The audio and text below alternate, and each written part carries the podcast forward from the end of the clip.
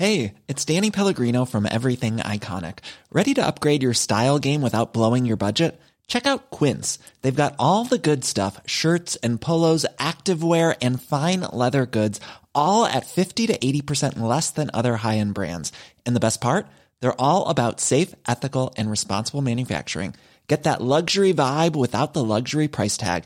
Hit up quince.com slash upgrade for free shipping and 365 day returns on your next order. That's quince.com slash upgrade.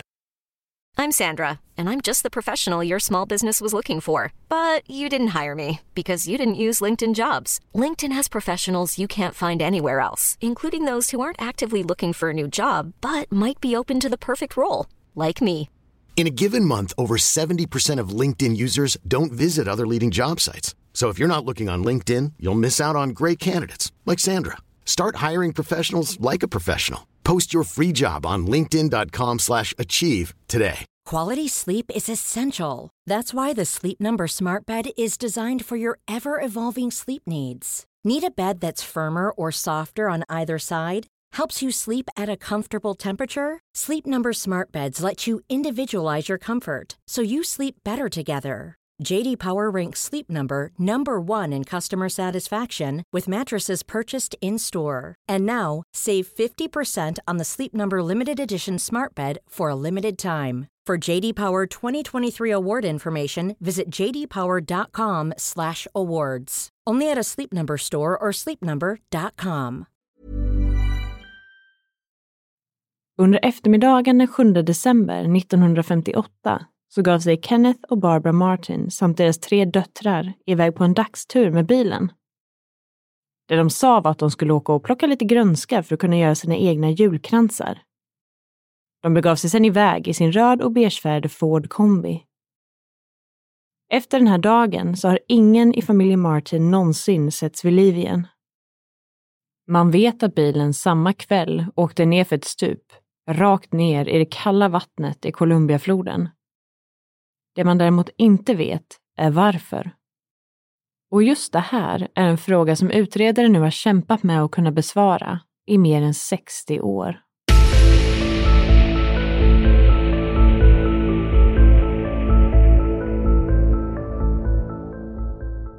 Hej och varmt välkomna ska ni vara till ännu ett avsnitt av Rysapodden. Och den här veckan har det återigen blivit dags för ett mysterium och vi kommer den här gången att gå ganska så långt tillbaka i tiden. Och närmare bestämt lite mer än 60 år tillbaka i tiden. Och just det här fallet handlar ju inte heller om ett försvinnande, utan det här är ju snarare ett så kallat massförsvinnande. Ja, men det stämmer bra det, för den här veckan ska vi alltså prata om försvinnandet av familjen Martin. De försvann nämligen från Portland, Oregon i slutet av 50-talet. Och än idag så finns det väldigt många obesvarade frågor kring det här fallet. Men som vanligt så tänker vi faktiskt att ni ska få skapa er en egen bild av det här fallet, så jag tycker helt enkelt att vi tar och kör igång med avsnittet nu på en gång.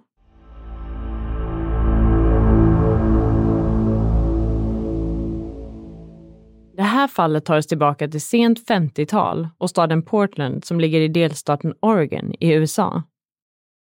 I den här staden så bodde en familj som hette Martin. Familjen bestod av pappa Kenneth som kallades för Ken och vid den här tidpunkten var 54 år gammal samt mamma Barbara som var 48 år gammal. De hade fyra barn tillsammans som bestod av 28-åriga sonen Donald, 15-åriga dottern Barbara som kallades för Barbie 13-åriga dottern Virginia, som kallades Gina, och 11-åriga dottern Susan, som kallades för Susie. Vissa källor har angett andra åldrar på flickorna och att de var något yngre än vad vi har beskrivit nu. Men majoriteten av källor och de som vi tycker känns mest pålitliga uppger just de här åldrarna. Familjens äldsta barn, sonen Donald, var inskriven i marinkåren och var under slutet av 50-talet stationerad i New York. Resten av familjen bodde som sagt tillsammans i Portland. Utanför dörren till deras hus så hade de satt en träskylt som löd Martin Manor, vilket i princip kan översättas till familjen Martins herrgård. Deras hem var däremot inte någon herrgård utan en relativt liten tvåvåningsvilla. Bostaden låg på 56 Avenue i området Roseway som ligger i det som brukar kallas för Upper East Portland. Familjen Martin hade bott i den här villan i över 20 år och det fanns en nära gemenskap bland alla grannarna i deras område. Familjerna träffades ofta för att umgås och brukade bland annat äta söndagsmiddagar tillsammans. Pappa Ken var också välkänd för att älska julen och var den så kallade julkillen i området. Varje år kunde man lita på att han skulle ta på sig sin tomtedräkt och agera tomte för barnen i grannskapet. Utöver det här så gjorde han varje år handgjorda polkagrisstavar av trä som han målade och pyntade familjens trädgård med. Han gjorde dessutom alltid några extra som han gav bort till grannarna för att de också skulle kunna pynta. Det här var till och med så pass känt att den gatan som familjen bodde på hade fått smeknamnet Candy Lane. Ken jobbade på ett företag som hette Taylor Eccles där han sålde elektroniktjänster. Han beskrivs som en oerhört lojal och noggrann medarbetare som ofta brukade komma in extra tidigt till jobbet. Vårt mysterium utspelar sig som sagt i slutet av 50-talet och mer exakt söndagen den 7 december år 1958. Julstämningen låg i luften och alla husen i området var pyntade. Kvällen innan så hade Ken och Barbara varit iväg på en julfest och de ska fortfarande ha varit i julstämning dagen efter. Familjen bestämde sig därför för att de skulle åka iväg med bilen och plocka lite grönskande julpynt längs med Columbiafloden som de kunde göra kransar av. De valde dock inte att åka iväg direkt på morgonen eftersom att de skulle få besök av familjen Evans som bodde i grannskapet. Familjen Evans kom dit runt klockan 10.30 på förmiddagen. De hade två barn som brukade umgås med döttrarna Martin, så de sprang iväg medan de vuxna satt och pratade. Utifrån att grannarna ofta åt söndagsmiddagar tillsammans så kom frågan även upp den här söndagen om familjen Martin hade tänkt vara med och äta söndagsmiddag hos en annan familj i grannskapet. Mamma Barbara svarade då att de tyvärr inte kunde vara med den här söndagen eftersom att de skulle up the highway för att samla in dekorationer för att göra julkransar. Up the highway, alltså upp längs motorvägen, var ett uttryck som familjen Evans kände till och förstod väl. Det innebar nämligen att de skulle åka upp till ett område längs med Columbiafloden där det fanns stora grönområden. Innan familjen Evans slutligen lämnade familjen Martins bostad så ska de återigen ha frågat Ken om de inte skulle komma på söndagsmiddagen ändå. Ken svarade att de verkligen inte kunde och att det nog var bäst att de höll sig till planen. Grannen ska då ha frågat vad planen var mer exakt och ska då ha fått det luddiga svaret Vi ska bara ta en tur med bilen. Så runt klockan 14.00 den här eftermiddagen så ska familjen ha packat lite snacks för resan bestående av bland annat apelsiner och valnötter. Sen ska de ha satt sig i sin röd och beigefärgade Ford kombi av årsmodell 1954 och begett sig iväg. Barbara var klädd i en mörkblå kappa, en rutig jacka och en svart klänning samt ett par svarta skor med en liten klack. Ken hade på sig en beige jacka och mörka byxor Barbie var klädd i jeans och troligtvis en beige kappa. Gina hade jeans och en tröja på sig och lilla Susie hade på sig rödvitrandiga byxor och en blus. Vad gäller den tiden som familjen valde att åka, det vill säga cirka klockan 14.00, så är det här ett ganska udda val av tid. För det första så var det en dryg timmes bilväg dit man antog att familjen skulle Dessutom skulle solen gå ner ungefär klockan 16.30 den här dagen, vilket inte skulle ge dem särskilt lång tid alls att samla ihop grönska till deras kransar. Framför allt innebär ju det här också att de i mörkret skulle befinna sig i skogsområden samt i närheten av raviner som går ner i floden. Det var också vida känt att Ken inte tyckte om att köra när det var mörkt, vilket gjorde det här till en ganska så okaraktäristisk sak för familjen att göra. Men de hoppade i alla fall in i bilen och lämnade bostaden under den här söndagseftermiddagen den 7 december. Dagen därpå, det vill säga måndagen den 8 december, så dök inte Ken upp på jobbet som vanligt. Hans chef reagerade över det här eftersom att det inte alls var likt honom. Utöver det faktum som vi tidigare har nämnt, att Ken var en lojal och pålitlig medarbetare, så skulle han dessutom ha haft ett viktigt möte just den här dagen, som han inte borde ha glömt av eller valt att strunta i. Samtidigt så började även skolan, där de två yngsta flickorna, Susie och Gina, gick, att reagera på att inte heller de hade dykt upp till skolan den här dagen. Varken Barbara eller Ken hade heller ringt för att anmäla deras frånvaro. Skolan de gick på hette Rose City Park School och på den här skolan jobbade även Kens syster, Charlotte Dorsey. När hon insåg att varken Gina eller Susie var i skolan så valde hon att ringa till Ulysses S. Grant High School där den äldsta av döttrarna, Barbie, gick i skolan. Det visade sig då att även hon var frånvarande utan förklaring. Den här eftermiddagen så anmäldes familjen som försvunnen och polisen får information om att de inte har setts till sedan lunchtid dagen innan. Polisen i Portland, som i det här området hette Multnomah County Sheriff's Department, valde därför att bege sig till familjens hem på måndagskvällen för att undersöka saken vidare. Det de fann i hemmet tydde inte på att det var en familj som planerade att vara borta under en längre tid. De hittade bland annat blöt tvätt som låg kvar i tvättmaskinen, köttfärs som hade plockats fram inför söndagsmiddagen som låg och tinade på köksbänken och smutsig disk i diskhon. Utöver det här så hade Ken och Barbara en större summa pengar på sitt bankkonto som var orört.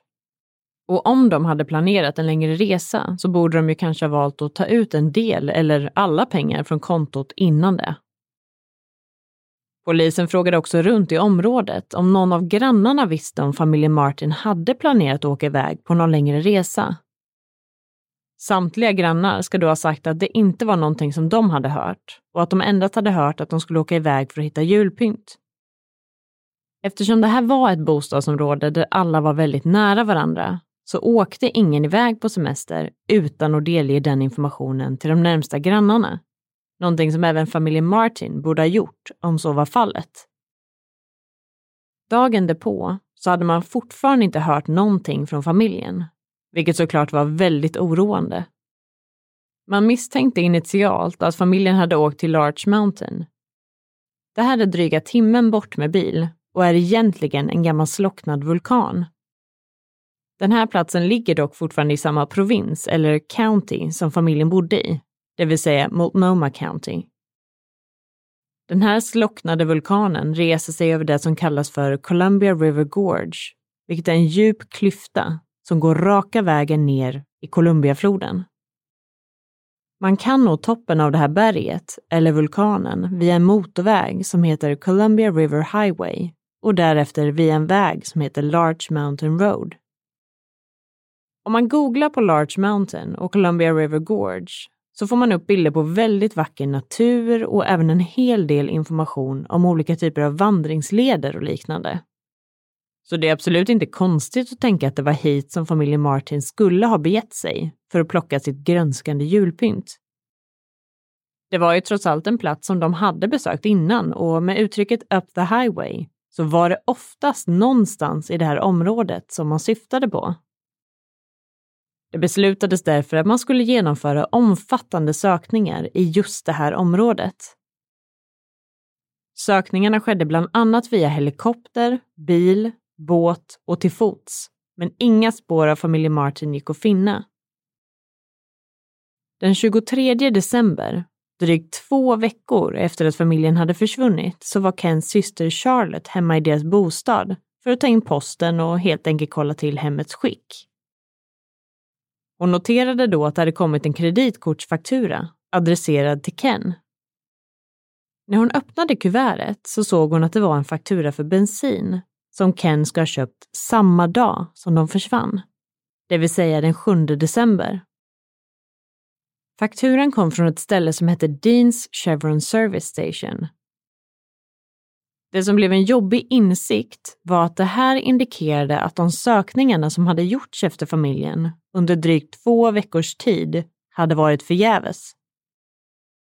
Platsen som den här bensinmacken låg på var nämligen i ett område längs med Columbia River som heter Cascade Locks. Det här området var också dryga timmen bort, men i ett helt annat område från den platsen där polisen tidigare sökt efter familjen. Med den här nya informationen så försökte polisen bäst de kunde att följa de spår som fanns av familjen Martin från dagen den 7 december. Den som ledde utredningen inom polisen i Multnomah County var en man vid namn Walter Graven. Han var från start oerhört dedikerad till det här fallet och skrev noggrant ner allt han kunde komma på i sin anteckningsbok. Han valde såklart först och främst att prata med mannen som jobbar på bensinmacken den dagen då familjen stannat och köpt bensin. Vittnet ska då ha bekräftat att han träffade familjen när de köpte bensin vid fyra tiden på eftermiddagen. De befann sig då cirka fyra mil från sitt hem i Portland. Strax efter det här sågs familjen av ett annat vittne. Det här var en person som jobbade på en restaurang som hette Paradise Snack Bar och låg i Hood River, cirka 2 till 3 mil från bensinmacken, i motsatt riktning från Portland. Familjen var nu alltså cirka sex och en halv mil hemifrån och vid det här laget så hade solen börjat gå ner. Vittnet på restaurangen ska då ha serverat familjen hamburgare med pommes frites. Det visade sig också under utredningens gång att samma kväll som familjen försvann så hade man hittat en övergiven bil i Cascade Locks. Det vill säga samma område som bensinmacken låg i. Det här var dock inte familjen Martins bil utan en vit Chevrolet. Det här fyndet väckte dock fortfarande en hel del misstanke och två dagar senare så greps två personer med kriminell bakgrund för att ha stulit den. En av dessa personer var en man vid namn Roy Light och den andra personen har man aldrig beskrivit vid namn. Anledningen till det är enligt en dokumentär gjord av tv-stationen Coin 6 att den här personen än idag är vid liv och att det här trots allt är ett aktivt fall. Men det som gör det här intressant i koppling till familjen Martins försvinnande är faktumet att vittnet som serverade familjen på restaurangen visste vem den här Roy Light var eftersom att han var ganska så ökänd i området. Vittnet kunde därför med säkerhet säga att samtidigt som familjen satt och åt sin mat så satt även Roy och hans sällskap på samma restaurang och åt. Vittnet angav också att när familjen Martin lämnade restaurangen så gjorde Roy och hans sällskap detsamma. En kort tid efter familjen Martins försvinnande så var det en man som hittade någonting i en buske i närheten av det område som den mystiska vita bilen hade hittats övergiven. Det han hittade var en pistol av märket Colt Commander 38. Inte nog med att det var just en pistol, den var dessutom dränkt i torkat blod, som att den hade använts för att slå ihjäl eller skada någon med. Den här mannen tyckte såklart att det här var lite skumt och tog därför med sig den till polisen. Det som är väldigt oturligt i det här, och kanske till och med anledningen till att det fortfarande är ett mysterium, det är att Cascade Locks, där pistolen hittades, låg i Hood River County, som är en annan jurisdiktion än Multnomah County, som hade hand om familjen Martins försvinnande. De här två områdena gränsar till varandra, men har olika poliskontor. Utifrån det här så gjordes därför ingen koppling mellan familjens försvinnande och den upphittade pistolen. Polisen i Hood River, som tog emot pistolen, valde därför att inte ta in den som bevismaterial, utan gav istället tillbaka den till mannen som hittade den. Han i sin tur valde då att ta hem den och rengöra den. Det här var verkligen otroligt synd, för det skulle senare visa sig att det fanns en koppling mellan pistolen och familjen Martin. Men vi kommer in mer på det om en liten stund här. Det hittades även en tredje sak i Cascade Locks, i närheten av den vita bilen och vapnet. Och det var nämligen en vante. Den ska ha sett ut att tillhöra en kvinna och har därför bedömts vara någonting som skulle kunna tillhöra Barbara. Det här är dock ingenting som man kunnat varken bekräfta eller dementera. Och som vi har förstått det så har inte särskilt mycket fokus lagts på just vanten utifrån det. Efter dessa fynd så händer det ganska lite i utredningen under de följande veckorna. Inte förrän i februari 1959, drygt två månader efter försvinnandet, så hittar man nästa ledtråd. Man upptäcker då hjulspår som matchar familjen Martins bil.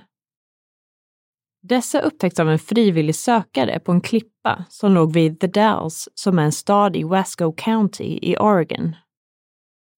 Hjulspåren ledde sedan rakt ut över klippkanten. Men nu är vi alltså i ett nytt county som ligger ytterligare en bit från Portland. Så för att göra en kort sammanfattning så sågs de ju alltså först i Cascade Locks där de tankade och det var även här som man hittade den övergivna vita bilen och pistolen. Sen har de setts äta på Paradise Snack Bar i Hood River. Och nu har man slutligen hittat hjulspår efter familjen Martins bil i The Dells. Vi befinner oss nu drygt nio mil från Portland, eller en och en halv timmes bilväg. Man lyckades matcha ihop de här hjulspåren med de däck som suttit på familjens bil och man skickade även iväg några färgflagor som man lyckats hitta på platsen för analys till FBI. Det bekräftades att färgen var av samma märke som användes på just den typen av bil och årsmodell som familjen Martin körde, nämligen en röd och beigefärgad Ford Kombi från 1954. Utredaren Walter Graven skrev då följande i sina anteckningar. There were no return marks to show that this particular vehicle returned, and apparently it was either pushed or driven off this cliff. Vid det här laget så anser alltså utredare att de har teorier om vad som kan ha hänt familjen. De kan av en olyckshändelse ha kört ut över klippkanten och ner i floden. Eller så hade någon tvingat ner bilen från klipporna. Men oavsett så hade bilen med allra största sannolikhet på något vis åkt ut över klipporna och ner i vattnet. Det genomfördes därför sökningar i området med sonarteknik men ingenting kunde hittas. Fem månader efter att familjen försvann så gjordes ytterligare en upptäckt. Det var i maj 1959 när en prom var ute och arbetade på Columbiafloden. Arbetet skedde i närheten av samma plats där hjulspåren och färgflagorna hade hittats några månader tidigare. Vid något tillfälle så fastnade ett ankare i någonting som kaptenen ska ha beskrivit som tungt och gjort av metall. De lyckades dessvärre inte få upp det här till ytan utan det slets av från ankaret. Och i samband med att det lossnade så flöt vad de uppfattade som två bylten av kläder ner längs med floden. En dag senare så var en fiskare ute vid floden med sin fru och de såg då dessa två bylten de insåg då att det inte alls var kläder som flöt omkring i floden, utan att det var två kroppar. De ringde därför polisen, men floden rinner ju såklart väldigt fort och när polisen väl var på plats så var kropparna borta. Dagen därpå hittades till slut en av kropparna i floden, ungefär 11 mil från The Dells. Via tandavtrycken så kunde man identifiera kroppen och det visade sig då vara 11-åriga Susie. Dagen efter det här så hittades även den andra kroppen flytande i närheten av Bonneville Dam. Och det här visade sig vara 13-åriga Gina. Vid obduktionen av flickorna så kunde man göra bedömningen att kropparna var i väldigt bra skick och att förmultningsprocessen inte hade kommit särskilt långt. Det här beskrevs då bero på att kropparna hade varit i det kalla vattnet och utifrån kylan så hade kropparna helt enkelt bevarats bättre. Man kunde utifrån det här också fastställa den redan starka misstanken om att bilen åkt ut över en klippa och rakt ner i floden. När den här promen senare arbetade ute i vattnet så misstänker man att ankaret fastnade i familjens bil och att den eventuellt slet upp en dörr på bilen, vilket lossade Susie och Ginas kroppar som sedan flöt upp till ytan. Kaptenen som arbetade på promen kunde visa polisen exakt vart han hade varit och man sökte igenom området med sonarutrustning och även helikoptrar. Men återigen fann man då ingenting alls. Obduktionen av de två flickornas kroppar visade också på att deras maginnehåll var apelsiner och hamburgare. Något som bekräftade vittnet som såg dem på restaurangen samma dag som de försvann. Den officiella dödsorsaken var att de med största sannolikhet dog av drunkning. Men det ska sägas att det finns vissa oenigheter kring själva dödsorsaken. Det fanns nämligen en tekniker vid namn Russell Bissett som assisterade vid obduktionen genom att ta bilder och fingeravtryck. I hans rapport, ihop med en bild av en av flickornas huvud, så står följande fras. Visar huvud med ett hål i. Han ska sedan ha beskrivit att det han såg under tiden han genomförde sitt arbete var som ett hål vid öronen på båda flickorna. Det här var någonting som han beskrev som antingen ett kulhål eller att de hade blivit slagna med någon form av tillhygge. Men det här har dock aldrig bekräftats helt och den officiella dödsorsaken är att flickorna dog av drunkning. Idag är det dessutom omöjligt att gå tillbaka och undersöka om det eventuellt fanns några kulhål eller andra skador eftersom att flickornas kroppar blev kremerade. Tre veckor efter att Susie och Ginas kroppar hittades så rapporterades det in om fler kroppar som flöt runt vid Barneville Dam. Men de var dessvärre borta vid det laget då polisen kom till platsen. Den starka misstanken är dock att det här kunde ha varit kropparna av 15-åriga Barbie, pappa Ken och mamma Barbara.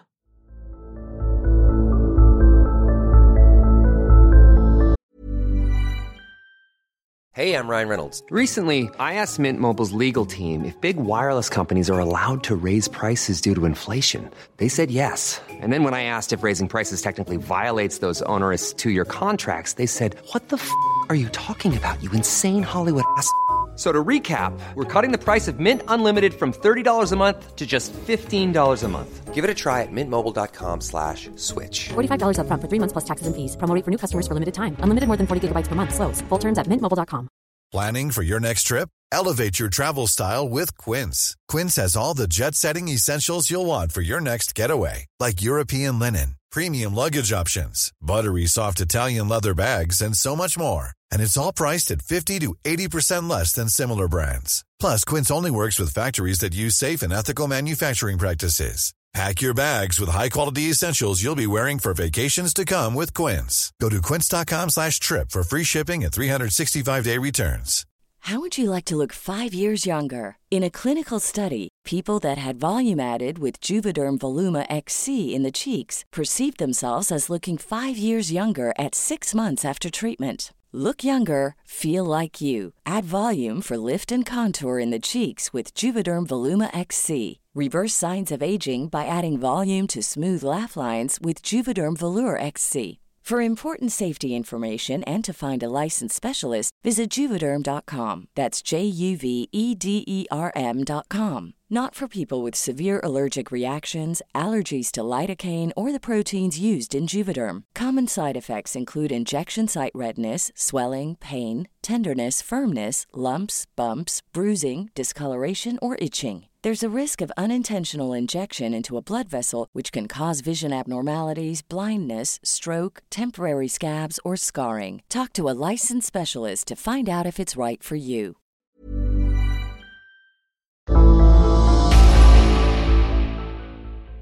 Så det man egentligen var ganska så övertygad om var ju faktumet att bilen innehållandes familjen Martin hade hamnat i vattnet och att de hade drunknat.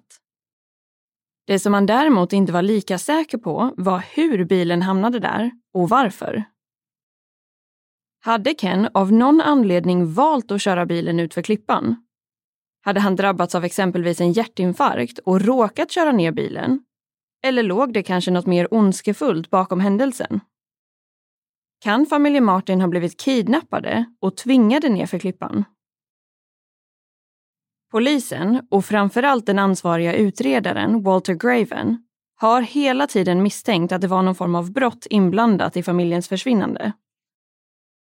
En av anledningarna till det här är att de hjulspåren som upptäcktes inte tyder på något försök till att bromsa eller väja för klippan. Men det fanns också vittnen som säger sig eller tycker sig ha sett familjen uppe vid klipporna vid skymningstid. Kan det helt enkelt ha varit en olycka trots allt? Kan det ha varit så att de var trötta, såg dåligt i mörkret och därmed råkade köra över klippkanten? Det här känns ju såklart inte som en helt orimlig teori heller. Men det fanns ändå några misstänkta i det här fallet som Walter undersökte. Först hade man ju de två männen som befunnit sig på samma restaurang som familjen Martin och som övergav en bil i närheten av platsen där den blodiga pistolen hittades. Men sen fanns det också någon annan, nämligen familjens äldsta son, Donald. Han var som sagt stationerad i New York när allt det här hände och hade gissningsvis inte själv varit den som gjort något mot sin familj. Men det Walter misstänkte var att han eventuellt kunde ha anlitat de två männen från restaurangen, det vill säga Roy Light och hans sällskap. En av anledningarna till att man misstänkte Donald var hans beteende i samband med att hela hans familj försvann. När eftersökningarna efter hans familj var igång så valde han nämligen att inte komma och delta eller hjälpa till. När Walter frågade honom om det här så sa han att hans faster Charlotte hade sagt att han lika gärna kunde vara kvar hemma. Att det inte fanns något han kunde göra och att hon skulle uppdatera honom om någonting hände. Charlotte själv nekade dock till det här uttalandet och tyckte dessutom att det var jättekonstigt att han hade sagt så. Och faktumet att Donald valde att inte delta i sökandet kan man ju tycka vad man vill om. Kanske mådde han så pass dåligt att han helt enkelt inte orkade med situationen. Men det som är ännu mer udda och som verkligen binder honom samman med allt det här är något som Walter insåg lite senare. Nämligen att tre år innan familjen försvann, alltså år 1955, så fick Donald sparken från sitt jobb på ett varuhus som hette Mayer and Frank i Portland. Anledningen var att han misstänktes ha stulit saker till ett värde av tusentals dollar. Han ska då ha erkänt sig skyldig och sagt att han hade gjort det här på grund av att hans hemsituation var ohållbar. Hans föräldrar ska enligt uppgift ha betalat för varorna han stulit.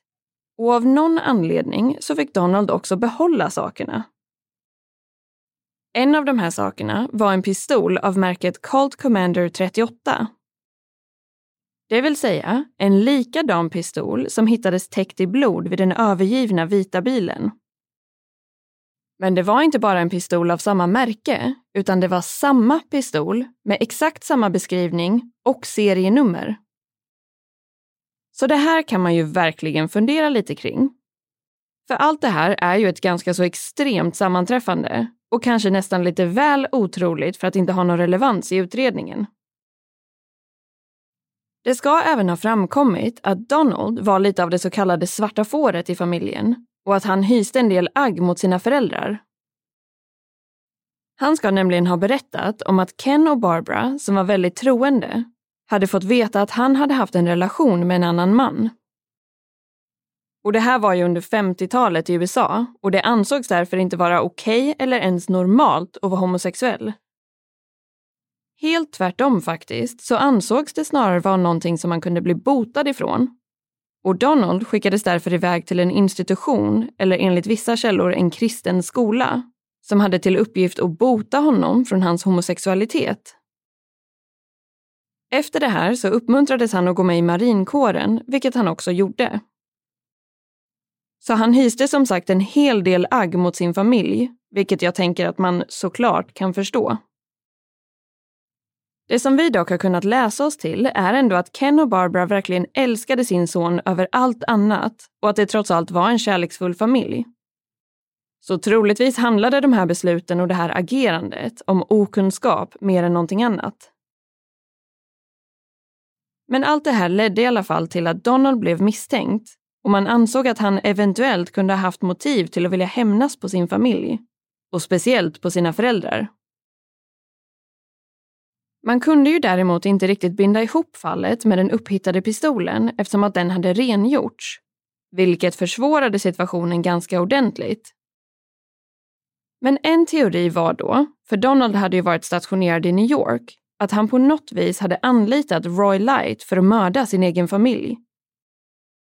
Donald blev ju trots allt den enda arvingen till familjens pengar och han kom senare att ärva en summa som idag motsvarar ungefär 300 000 dollar, som i svenska kronor är ungefär 2,5 miljon.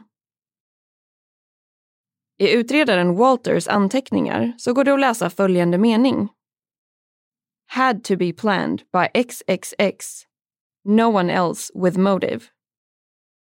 Och det stod ju egentligen inte XXX, utan det är alltså ett namn som har blivit överstruket med en svart penna. Man har dock mer eller mindre kunnat tyda bokstäverna som strukits över och de allra flesta anser att namnet som står där är Donald. Man vet däremot inte varför namnet har blivit överstruket i Walters anteckningsbok. Donald kom faktiskt inte tillbaka till Portland förrän i mars 1959, så alltså flera månader efter familjens försvinnande. Han närvarade inte heller på sina två systrars minnesceremoni som ägde rum i slutet av maj 1959. Den huvudsakliga anledningen till att han ens kom tillbaka ska nämligen ha varit för att lösa allt det administrativa kring själva arvet. Det här gick däremot inte riktigt så smidigt som han kanske hade önskat och det tog hela sju år innan arvet slutligen betalades ut. Och det här ska ha berott på allt det juridiska kring familjens oförklarliga försvinnande. I samband med att Donald kom tillbaka till Portland så passade Walter på att träffa honom personligen för att prata med honom. Donald ska då ha sagt något i stil med följande. Jag känner inte till någon som skulle vilja mörda mina föräldrar eller ha motiv till att göra det.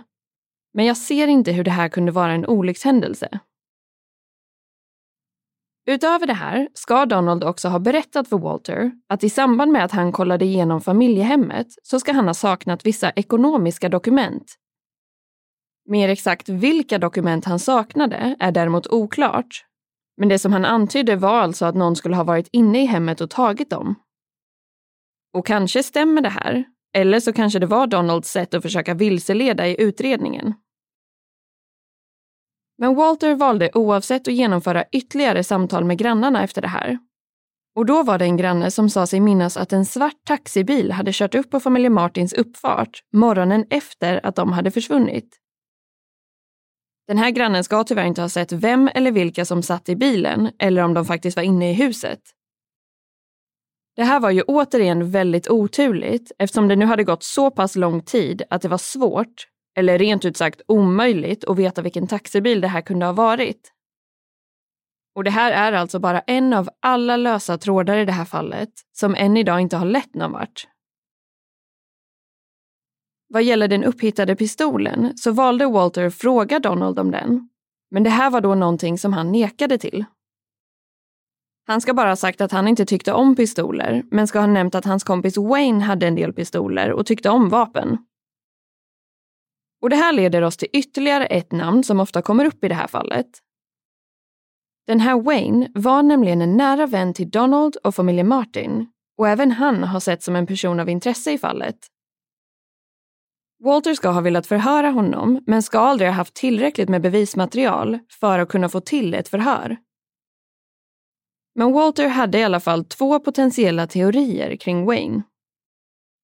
Den ena teorin var att Wayne och Donald hade haft en relation och att Wayne blev orolig för att hans fru skulle få reda på det här och därför valde att mörda familjen Martin för att de inte skulle kunna avslöja någonting för hans fru. Den andra teorin är att Wayne ska ha gjort den äldsta av flickorna Martin gravid, det vill säga 15-åriga Barbie. Även i det här fallet så skulle han ha valt att mörda familjen Martin för att hans fru inte skulle få veta. Och det ska ändå finnas några saker som tyder på att den här teorin kanske i alla fall känns lite mer trolig än den andra. Vittnet som serverade familjen på restaurangen samma dag som de försvann mindes att alla döttrarna fick hamburgare förutom Barbie. Föräldrarna ska nämligen ha sagt åt henne att hon borde ta en tonfiskmacka istället. Vissa har då spekulerat kring om det hade att göra med att hon var gravid och kanske skulle tänka mer på vad hon åt. En tid innan hon försvann ska Barbie även ha besökt en läkare. men inte sin vanliga läkare i Portland utan en helt annan i en närliggande förort. Även här spekuleras det såklart om varför hon valde att besöka en annan läkare än sin vanliga och dessutom på en annan ort. Kunde det ha varit så att den dagen då de försvann så skulle de möta upp en läkare för en hemlig abort? Eller skulle de kanske mötas upp med barnets pappa, som eventuellt var den här Wayne?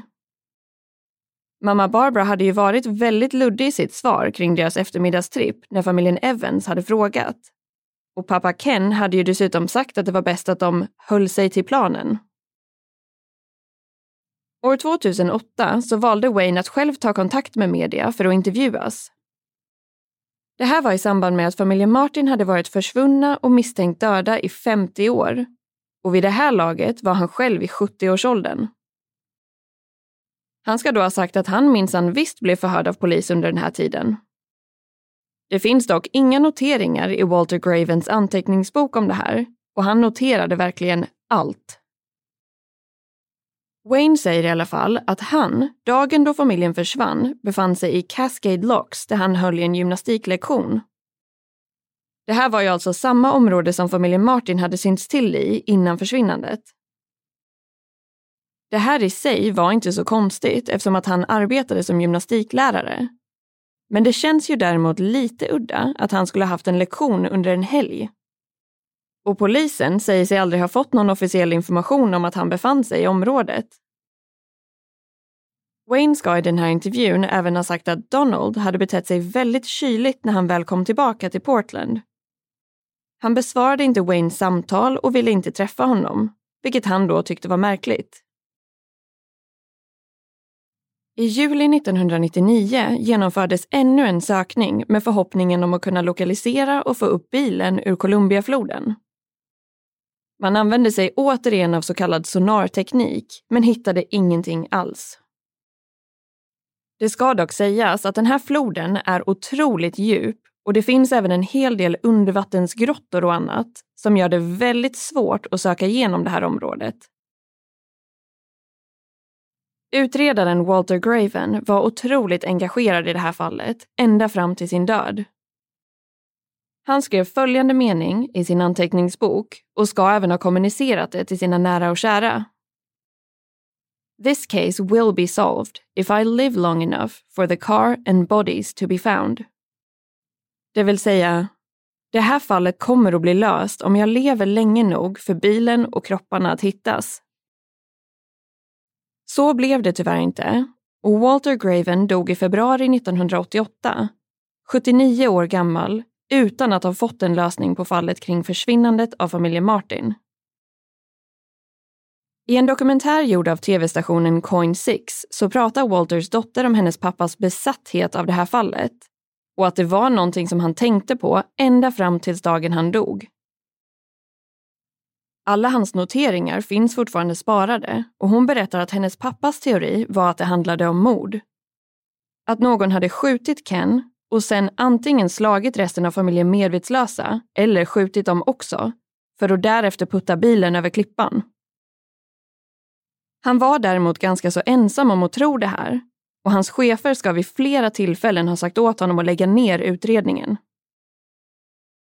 I sina anteckningar ska Walter också ha skrivit något i stil med att även om han inte får något vidare samarbete från andra så finns det inget mord som inte kan lösas. Idag så tror däremot polisen att det som hände familjen Martin inte var en olycka. Men man ser inte heller att det finns särskilt stora möjligheter att kunna bevisa vad som skett om man inte hittar bilen. Polisen har även uttalat sig om att sannolikheten att få någon dömd så här pass lång tid efter att händelserna ägt rum i princip är omöjlig.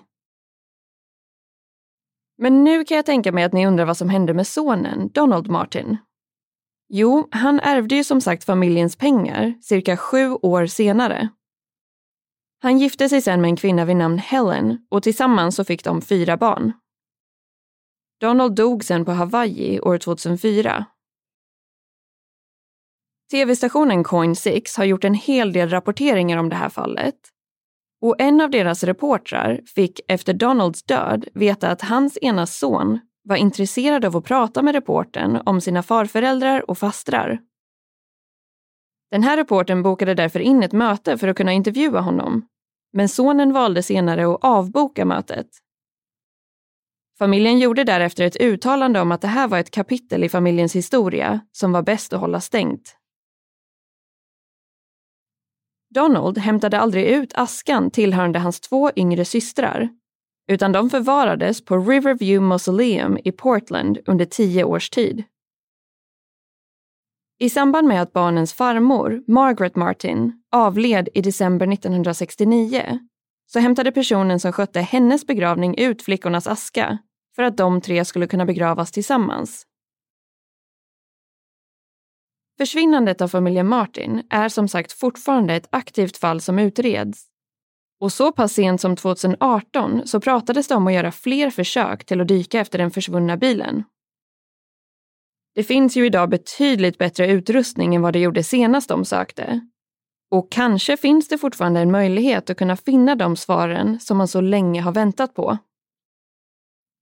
Men än idag så har man aldrig lyckats hitta själva bilen eller kropparna efter pappa Ken, mamma Barbara och 15-åriga Barbie.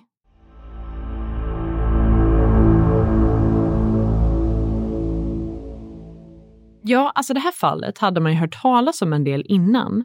Men det finns väldigt många detaljer som i alla fall jag inte hade koll på innan vi väl bestämde oss för att vi skulle göra ett avsnitt om det här. Och det känns ju faktiskt som att det här är ett mysterium som borde ha kunnat få en lösning om de olika poliskontoren bara hade haft en bättre kommunikation och samarbete med varandra. För man skulle ju verkligen vilja veta vad var det som faktiskt hände med den här familjen? Eller, man vet ju vad som hände i form av att de körde ut från klippan och ner i vattnet. Men den frågan som kvarstår är ju varför de gjorde det och exakt hur det här gick till. Ja, det är ju en väldigt bra fråga. Och jag måste säga att jag känner ganska så starkt att den här Donald hade någonting fuffens för sig. För det känns ju verkligen som lite väl mycket av ett sammanträffande att den där pistolen skulle hittas i området och kunna kopplas samman med just honom under tiden som man utreder hela hans familjs försvinnande. Och man önskar ju verkligen att polisen hade behållit den där pistolen så att man hade kunnat testa den ordentligt med hjälp av dagens teknik men en annan sak som jag också har funderat mycket på är just den stunden när de körde över den här klippkanten med bilen och om de var vid liv och medvetande när det hände. För det känns ju helt fruktansvärt i så fall. Ja, man får ju verkligen hoppas att de åtminstone inte var vid medvetande när de åkte ner i vattnet och slapp genomlida den delen i alla fall. Och så får vi väl helt enkelt hoppas att man en dag kan få lite bättre svar kring vad det var som hände med familjen Martin och varför det hände överhuvudtaget. Men om man skulle vilja sätta sig in lite mer i det här fallet så finns det bland annat en bok som heter Echo of Distant Water, The 1958 Disappearance of Portlands Martin Family. Den här boken är skriven av författaren J.B. Fisher som under sex års tid undersökte det här fallet. Och han lyckades i samband med det få tillgång till en hel del material som aldrig publicerats tidigare i form av bland annat rapporter från polisen, foton från familjen Martin och noteringar som Walter Graven skrivit. Nu har vi inte läst den här boken än, men en kort summering som står i beskrivningen, som i alla fall gjorde oss väldigt nyfikna på att läsa den, var just det här stycket som vi då har valt att översätta. Gravens personliga dokument delger en fascinerande insikt i frågan om vad som hände med familjen Martin. En resa som leder till kidnappning och mord en intim familjehemlighet och medborgerlig korruption som leder hela vägen upp till familjen Kennedy i Washington DC. Men om ni lyssnare har några kloka tankar om det här eller kanske till och med har läst den här boken och vet mer så får ni hemskt gärna dela med er till oss. Och ni hittar oss som vanligt antingen på Facebook eller Instagram där vi heter Rysapodden. Ja, och nästa vecka är det ju sorgligt nog dags för det allra sista avsnittet för den här säsongen. Och vi kommer därefter att ha lite av ett uppehåll för att fortsätta jobba med säsong 5. Men vi kommer ju under den här tiden fortsätta släppa miniavsnitt och lite annat smått och gott på Patreon varje månad. Så om ni känner att det blir lite tomt utan oss så kan ni såklart alltid signa upp er där. Men med det sagt så ska vi ta och avrunda för den här veckan och så hörs vi igen nästa måndag. Och som alltid säger vi stort tack för att just du har valt att lyssna på det här avsnittet av Rysarpodden.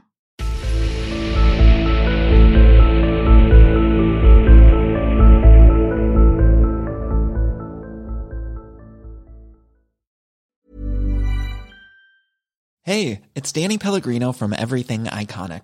Ready to upgrade your style game without blowing your budget? Check out Quince. They've got all the good stuff shirts and polos, activewear, and fine leather goods, all at 50 to 80% less than other high end brands. And the best part? They're all about safe, ethical, and responsible manufacturing. Get that luxury vibe without the luxury price tag. Hit up quince.com slash upgrade for free shipping and 365 day returns on your next order. That's quince.com slash upgrade. Ever catch yourself eating the same flavorless dinner three days in a row? Dreaming of something better? Well, HelloFresh is your guilt free dream come true, baby. It's me, Kiki Palmer. Let's wake up those taste buds with hot, juicy pecan crusted chicken or garlic butter shrimp scampi. Mm. Hello Fresh. Stop dreaming of all the delicious possibilities and dig in at HelloFresh.com. Let's get this dinner party started. Why don't more infant formula companies use organic, grass fed whole milk instead of skim? Why don't more infant formula companies use the latest breast milk science? Why don't more infant formula companies run their own clinical trials? Why don't more infant formula companies use more of the proteins found in breast milk? Why don't more infant formula companies have their own factories instead of outsourcing their manufacturing? We wondered the same thing. So we made ByHeart, a better formula for formula. Learn more at byheart.com.